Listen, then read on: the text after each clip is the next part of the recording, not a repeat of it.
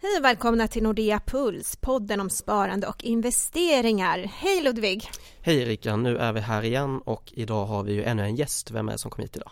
Ja, men precis. Idag kommer Jakob Henriksson hit och han är ju även känd som Gottodix. Precis, han har ju två olika sidor. Han har en som heter molekylär ekonomi och en som heter sparskolan.se. Så han ska ju berätta lite mer om hans syn på investeringar.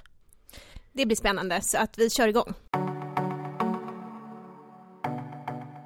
Ja, idag har vi alltså med oss Jakob Henriksson, även känd som Gottodix. Eh, välkommen hit! Hallå, hallå! Kan vi börja berätta lite vem du är då? Ja, vem är jag? Jag är en eh, tvåbarnspappa till eh, två väldigt pigga skolbarn. Eh, bor här i strax södra Stockholm, i Enskede och så tycker jag det är lite kul med aktier och investeringar. Det märker man. Du lägger ner väldigt mycket tid på det här, både med molekylär ekonomi, Sparskolan, Twitter, lite allt möjligt så. Hur får du tiden att räcka till? Ja, men jag tycker så här, tid har liksom förändrats. Har ni tänkt på det? Alltså tid brukade vara någonting som bara så där pågick. Men nu så, när lägger ni ifrån er mobiltelefonen? Sällan. Så jag tror kanske, alltså, jag lever det här. Jag liksom, är det basket med tjejen, då är det liksom fram med mobiltelefonen. Så får man låtsas att man inte hör när man blir tillsagd att hämta bollen. Så att eh, det är alltid liksom.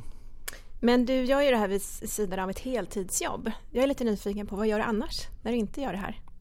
Nej, inte Eller är det hemligt? Nej, det är inte hemligt. Jag har ju så himla schyssta arbetsgivare som låter mig hålla på med det här. Eh, jag är, eh, jobbar med styrning i staten eh, på en myndighet. Så att, eh, det är rätt så långt ifrån de här vardagen. Men eh, det är klart, litar man ju med sig. För man har ju, har ju varit i många rum där det fattas beslut. Så man blir lite erfaren på det sättet. Och vad är det då som driver dig till allt det här arbetet som du lägger ner vid sidan av jobbet? Att det är kul, att det är väldigt kul. Nej, men det är ju så här att eh, jag, eh, vad ska man säga, eh, jag har ju min bakgrund eh, eh jag har gått på Handels och liksom, eh, hållit på mycket med ekonomi ända sedan barnsben. Jag har en pappa som är tokgalen i investeringar och sådär. Och sen så eh, valde jag lite en annan karriär. Och sen så länge så var det ganska svårt att vad ska man säga, hålla på med investeringar för jag inte hade haft sådana roller att det kunde gå att kombinera. Så när chansen dök upp så då kunde jag inte låta bli. Finns det något särskilt som du spenderar lite extra pengar på? Frukost. Frukost? Ja, Vad har du käkat till frukost idag då? ja men jag, ni hade ju jättefin frukost här ju, vilken miss! Ja, Ja, det var ju, det var ju god juice och fina mackor och allting ju. Ja. Jätteklantigt. Jag åt nere på Espresso House, det var ju inte alls lika fint.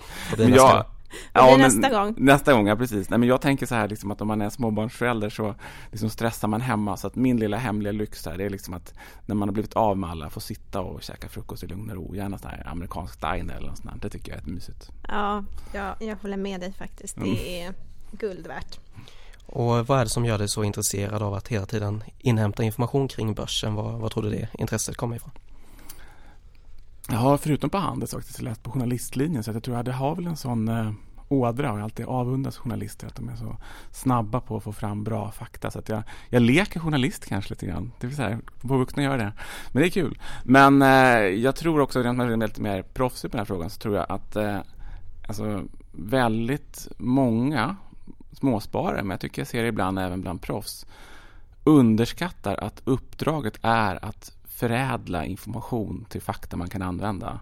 Så att det är ju väldigt sällan som det du bara läser det till och står där och räknar in ett Excel-ark trillar ut i någonting nytt. Så kanske det liksom var för 20-30 år sedan när det var väldigt svårt att få tag i information att man kunde sitta och liksom hamra det där Excel-arket och säga oj, det här är värt 17 istället för 13.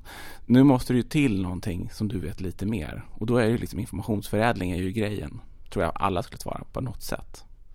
Och eh, det där är ju något som alla jobbar med då i och med att det är så extremt mycket information där ute just nu. Har du något tips på någon sån här riktigt bra informationskälla eller några som du använder? Ja, absolut. Men jag, jag tror så här. Alltså, jag tror att alltså, det första grejen som jag så här, vill dela med mig av, som jag haft jättemycket glädje av, det är att, eh, vad ska man säga, våga professionalisera sin informationsinhämtning lite.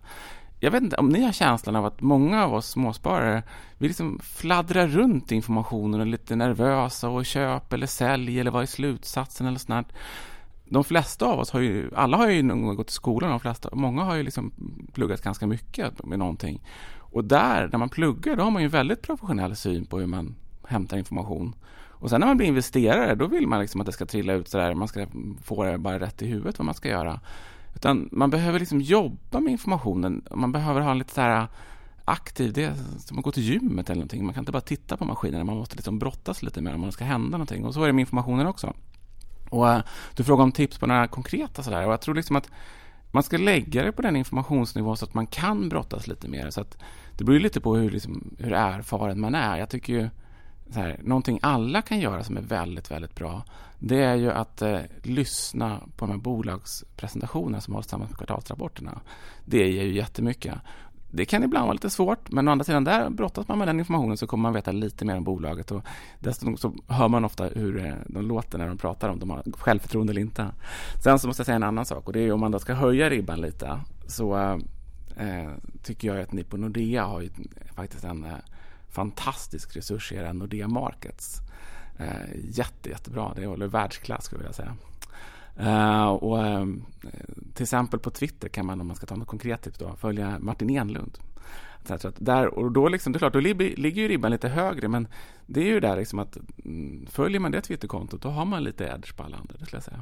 Och så där kan man tänka. Och det behöver inte vara det kan vara något annat. Kan man titta på Bloomberg News eller någonting, bara man hittar någonting och när man har hittat den informationen jobba lite mer med den. Alltså skriv ner den, twittra den, gör någonting med den. Gör som du gjorde när du pluggade. För annars kommer inte den informationen vara värd någonting. Den kommer bara svepa förbi. Det kommer bara bli ett enormt flöde.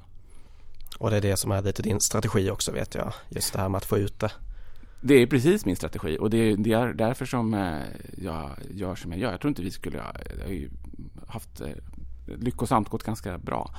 Eh, och det tror jag absolut inte det hade gjort eh, om det inte hade varit för att eh, vi, vi säger om vår familjeportfölj, men jag i genomförandet, jobbar väldigt systematiskt med att allt som jag läser och tänker kring investeringar ska ut. Hellre lite ytligt, men snabbt ut. Så att det liksom finns någon som, så att man liksom får tänka det och så har man liksom formulerat det.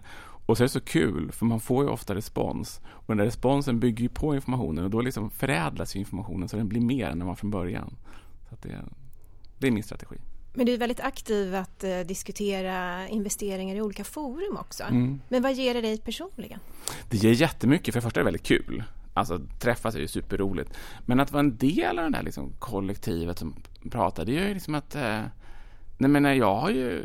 Jag hade väl ingen tillgång till att... Jag nämnde Martin Ehlerud alldeles nyss, men jag hade väl ingen tillgång till att liksom prata investeringar med honom. Men nu, genom att man liksom lägger ut en massa Twitter så, här, så kan man ju då få lite respons och liksom lite tankar tillbaka från proffs, eh, från väldigt duktiga personer, både honom och andra. Och eh, så försöker jag själv bidra till att andra då, som liksom, har ännu mindre erfarenhet än jag har med investeringar, så det blir liksom som en... Så där, det kollektivet blir starkare på något sätt än delarna. Men du brukar ju säga att du är en skolboksinvesterare. Hur menar du då? Ja, men alltså, hur gör ni när ni bantar? Jag menar, följer ni kvällstidningstipsen? Det är ju liksom, om man tittar på investerartips, då kan man ju tro liksom att det är Expressens löpsedel som gäller. För att alla har ju så enormt mycket, och jag blev helt ställd av det här för några år sedan, alltså, för att jag, jag kommer ju inte från eh, vad ska man säga, jag kommer ju från den skolade bakgrunden, jag har ju gått på Handels och sånt där. Och Eh, där lär man sig ju liksom en ganska grundlig, på alla ekonomiutbildningar självklart, lär man sig en ganska grundligt hur man liksom tittar på bolaget och räknar på det och funderar på affärsmodellen, vilken bransch det är och man lär sig så här omvärldsanalysmodeller och liknande. Och så kommer man ut i investerarlandskapet och tittar på vad som är mest populärt bland småsparare. Eh, då är det eh, här enkla penningmaskinstips eller någonting så här. Gör så här så blir du vinnare direkt det, det, liksom, gör så här så blir du vinnare direkt. Det är ju löpsedel. Så, att, alltså, jag, så jag tänker så här att eh, så, jag trodde inte att det skulle vara någon så här framgångsformel, men jag gör ungefär som aktiespararnas eh, de här gyllene reglerna eller de här liksom basic, basic grejerna och inser att det är ganska få som gör. Jättekonstigt. Men om vi pratar lite mer om din strategi då, det här med värdeförstörare, värdebevarare och värdedrivare är något som du har pratat om. Eh, kan du berätta lite mer om det? Mm. Nej, men så här. Alltså, eh, jag tillhör ju de som tror att eh, marknaden är på det hela taget eh, hyggligt effektiv. Ni vet det här att priset sätts ungefär rätt, eller vad man ska säga. Och eh, då så, det ställer ju lite krav på dig som ska investera att eh, det måste finnas någon förändring i priset, någonting som rör priset. Alltså antingen så tror du att marknaden bara har varit lite puckad och satt fel pris och visst, det, det, är väl fortfarande möjligt kanske i någonstans med någon aktie med låg omsättning eller sådär som inte upptäckt bolag eller sådär. Men det är väldigt, väldigt svårt. Annars så behövs det ju någon sorts förändring, någon sorts rörelse. Någonting ska hända. Det spelar liksom ingen roll. Jag brukar lyssna på er. Ni har haft eh, traders och ni har haft eh, massa olika investerarstilar i ert program. Och alla har ju det gemensamt att de har en tanke om varför ska priset röra sig från nuvarande nivå till en ny nivå. Alltså de måste ha en idé kring det. Och eh, Det jag tror är en idé där, casen, det är just att eh, beskriva den där förändringen. Då kan man göra det till exempel då med de här värdeorden som du tar då. Om vi tar tre exempel på det så kan man säga att en eh, som värdedrivare i ett bolag kan jag ta Millicom som exempel. Ni vet det här telekombolaget som är en del av Kinnevikssfären. De har kämpat med en omställning när man inte längre får något betalt för röstsamtal och sms. Det blir bara billigare och billigare samtidigt som staten ställer oförändrade krav på att alla ska kunna ringa och sms och sånt. Och det här gör ju då, då deras, i Latinamerika och i Afrika där de har varit nu, mer i Latinamerika nu. Uh, så det där har varit liksom ett problem för dem. Men då har det funnits en värdedrivare i det här bolaget. Någonting som pågår och bara pågår och pågår och pågår. Och det är att de bygger ut nät. De bygger nätverkskapacitet. De bygger, liksom, kopplar upp folk mot kabel-tv, de kopplar upp folk mot nätet. Och man har kunnat följa den där värdedrivaren i Millicom i flera års tid. Att eh, Visst, resultatet har svajat hit och dit och de har kämpat med de här myndigheterna som ställer krav på dem. Men de bygger och bygger och bygger och bygger. Och det har liksom, den värdedrivaren har funnits kvar i bolaget. Och då är det ett möjligt case. Så det är en värdedrivare då. Om man tar motsatsen så kan man säga en värdeförstörare. Kan man ta BMW? Eh, för bilbranschen är ju totalt havererad med alla saker som pågår med Tesla och allt vad det är för någonting. Och kinesiska bilar, inte minst. Eh, en av de stora problemen som gör att eh, BMW värderas till P7 jag menar, ett av världens största varumärken kan man få till sju gånger årsvinsten. Det låter som att någon har satt fel prislapp sådär. Att det är något litet paj. Eh, men det beror på att eh, investeringskostnaderna för att både investera i allt som är kopplat till självkörande bilar, till eh, vad heter det, eldrivna bilar, till eh, all annan anpassning som krävs för att få uppkopplade bilar. Den ligger helt vid sidan av att tillverka smarta, snabba bensin och dieseldrivna bilar. Det är väldigt få överlappningar.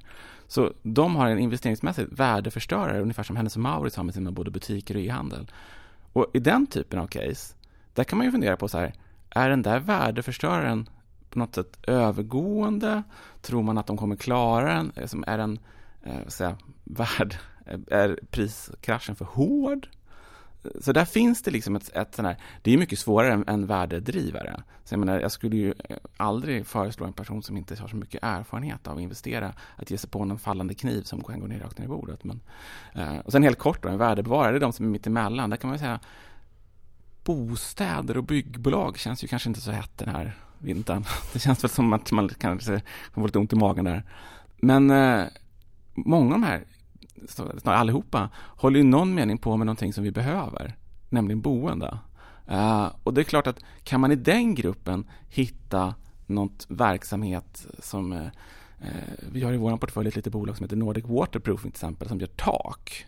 Och det är klart, Alltså jag tror att vi kommer behöva tak. Alltså jag, jag har svårt att se att vi slutar efterfråga tak. Alltså jag vet inte, men jag, jag vet jätteont. Jag tror liksom att... Du kan ha rätt. Det, det, det ska nog klara sig. Och då kan man ju fundera på, kommer det där vara liksom, hålla i sig? Alltså, och kommer det här, när, när det så småningom lägger sig, ja, då säljer de fortfarande sina tak. Och då kan det ha dykt upp ett tillfälle där det här inneboende värdet var högre än nedgången bara. Så det är ett sätt att tänka på det. Och just när det kommer till det här med modeller då, är det något som du använder dig mycket av när du investerar? Jag gillar modeller äh, att hänga på väggen och titta på på lite avstånd. Uh, för uh, alltså alla typer av tankestrukturer liksom hjälper ju att strama upp så att man inte slarvar för mycket när man, alltså man går för mycket på känsla eller på liksom man hanterar fakta rätt. Däremot så är ju modeller väldigt, väldigt farliga att eh, köra rakt in i. Därför att eh, eh liksom, en modell tänker inte. En modell gör ingen egen förädling av information. Som du eh, plockar ut bolagen med lägst P tal så kommer du naturligtvis få bolag som har lägst P tal av en anledning. Eller om du liksom eh, tar de eh, någon annan populär modell som sån här Graham Screen eller någonting. De, de som står där finns ju där av ett skäl. Har man inte, men för att hitta intressanta möjligheter så är modellen ett bra stöd. Men skulle du kunna ge några exempel på vad du kollar i olika bolag i olika branscher? Jag försöker alltid kolla det som driver värdet som jag just pratade om. Men det som kan driva värdet, det kan vara väldigt, väldigt mycket faktiskt. Jag tror man, alltså det är det som är lite, där skolboksdelen kommer in i det. Att eh, jag tycker att, eh, man ska säga, eh, i vissa bolag är eh, omvärldsfaktorerna väldigt, väldigt viktiga. Om man vet att man har kanske liksom själva bolaget med sig. Så är det ju till exempel i eh, storbanker som er bank. Att man har ju liksom, eh, ja, det är väldigt stabil verksamhet. Så där spelar ju omvärldsförändringarna väldigt stor roll. Sen så har man andra då, där man mer tittar in i bolaget och då är det ju förstås det här med att titta på, alltså att verkligen förstå affärsmodellen och bolagets verksamhet och titta på att det är en ledning man litar på och liksom säga, hur skulle jag tjäna pengar på det här och sånt där som, som avgör. Och sen så ska man säga så det enkla svaret också, så tycker jag att eh, ingenting slår av bra avkastning på pengarna vi investerat. Så jag tittar väldigt mycket på avkastning på eget kapital.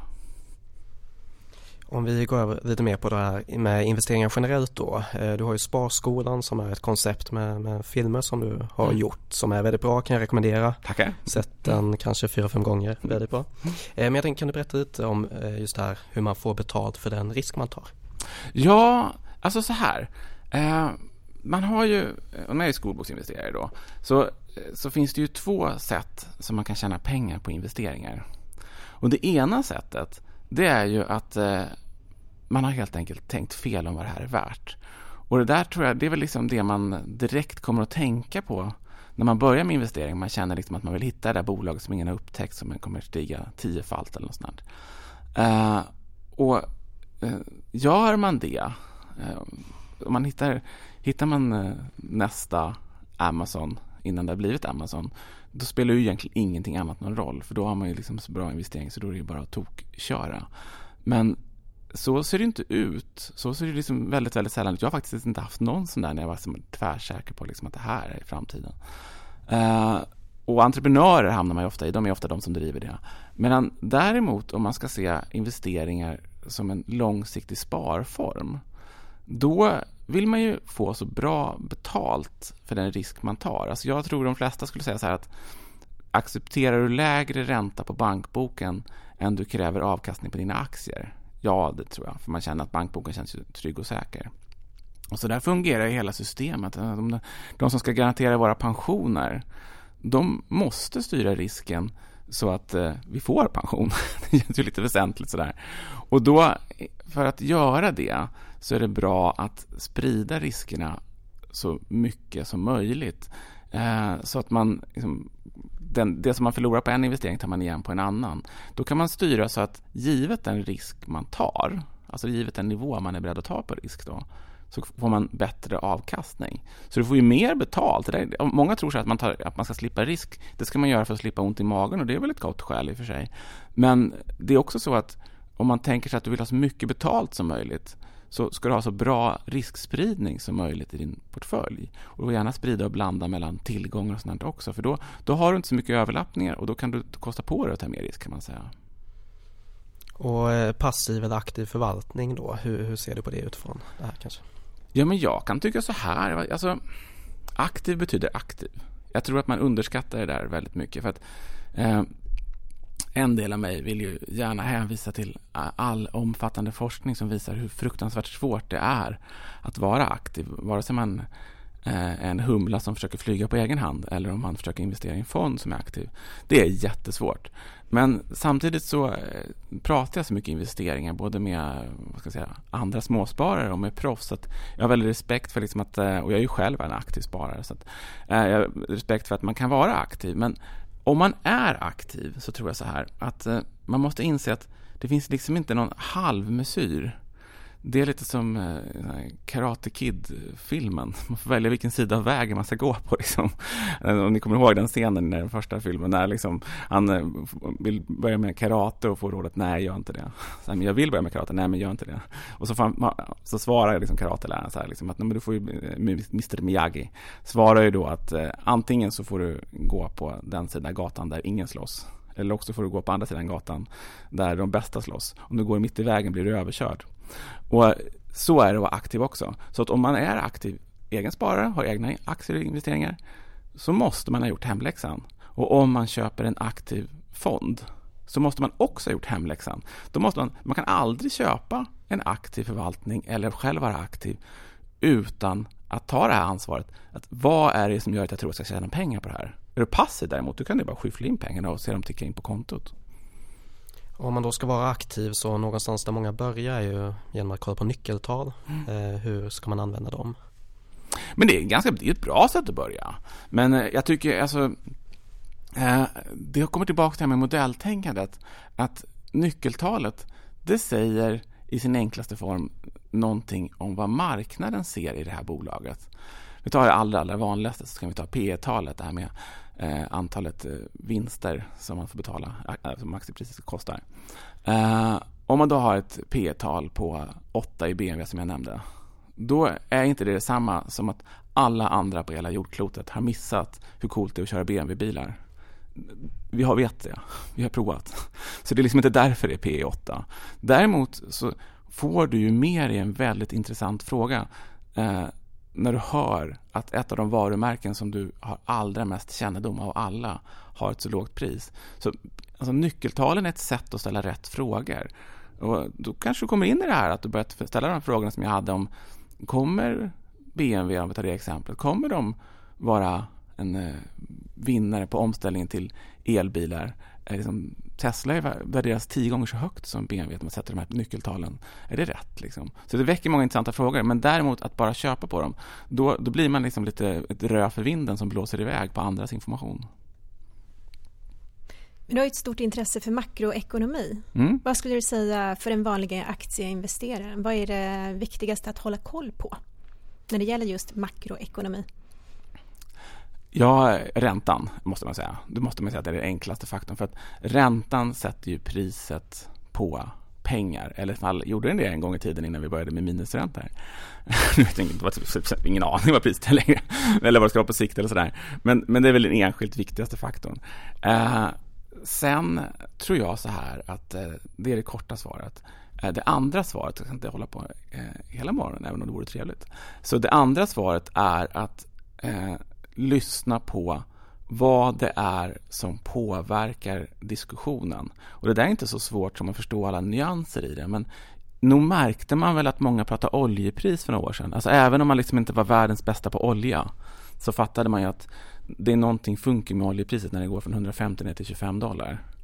Eh, och en sån förändring, när det pågår de här stora svepande förändringarna de påverkar så himla mycket. för att om, menar, om oljepriset går från 150 till 25 så kan man ju bara tänka sig eh, hur det påverkar till exempel försäljningen av suvar som gick upp jättemycket. Så att i den stora världen så finns det de här riktigt stora penseldragen som spelar väldigt stor roll. Så jag tror, kolla, kolla liksom, vad är den stora nyheten? Om man ska mm. börja någonstans ska man börja där. Gör lite omvärldsbevakning helt enkelt. Mm. Mm. Och kanske inte måste förstå allting. Nej. Jag tror en sak som skrämmer med makro är att, jag menar, om man sätter ambitionsnivån så här, jag ska förstå hela världen, ja det är min ambitionsnivå, men, men om man sätter den ambitionsnivån, då tar det lite tid. Men om man är en vanlig sparare så räcker det med så här, vad är det alla pratar om? Det räcker i makrodelen. Vilka är de vanligaste misstagen som vi gör som investerare? Jag tror vi är dåliga på att fatta beslut. Jag tror vi underskattar att fatta beslut är att vara proffs. Och det går tillbaka till det där med att eh, våga säga att är jag aktiv så ska jag vara aktiv. Alltså jag tror att det är så lätt att liksom man lockas, det är så kul att tjäna pengar. Man mår så bra av att tjäna pengar och så tråkigt att förlora pengar. Så att eh, man liksom fattar gärna beslut på just det här området på ett sätt som man aldrig skulle fatta beslut om sånt som sommarsemestern. Som sommarsemestern så väger man för och emot och man diskuterar båda två eller hela familjen eller vad man nu ser ut och sen så efter mycket om och men så kommer man fram till att det blir bad i Ronneby i år. Eller vad det nu blir. Uh, investeringar så finns det något så här, man gör ingenting, börsen går ner, man får panik, då säljer man eller man hoppar på någonting eller hoppar av någonting, man läser att det står köper någonting, man hör att det kommer elbilar, då skulle man köpa en, någon elbilstillverkare.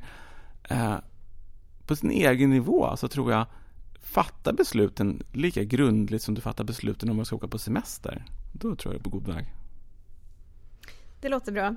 Men om du skulle ta och sammanfatta de tre viktigaste sakerna från det vi har pratat om idag? Mm. Men jag tror ju att eh, det första som jag säger jättegärna alltid gärna skickar med det är någonstans att eh, det svåraste med sparande det är jag hörde Magdalena Forsberg, ni vet hon skidskytten, hon sa det så himla bra om träning. Hon sa så här, det svåraste med träning är att ta på sig skorna. Och det svåraste med sparande, det är liksom att göra det. Att liksom komma igång och liksom hålla på med det.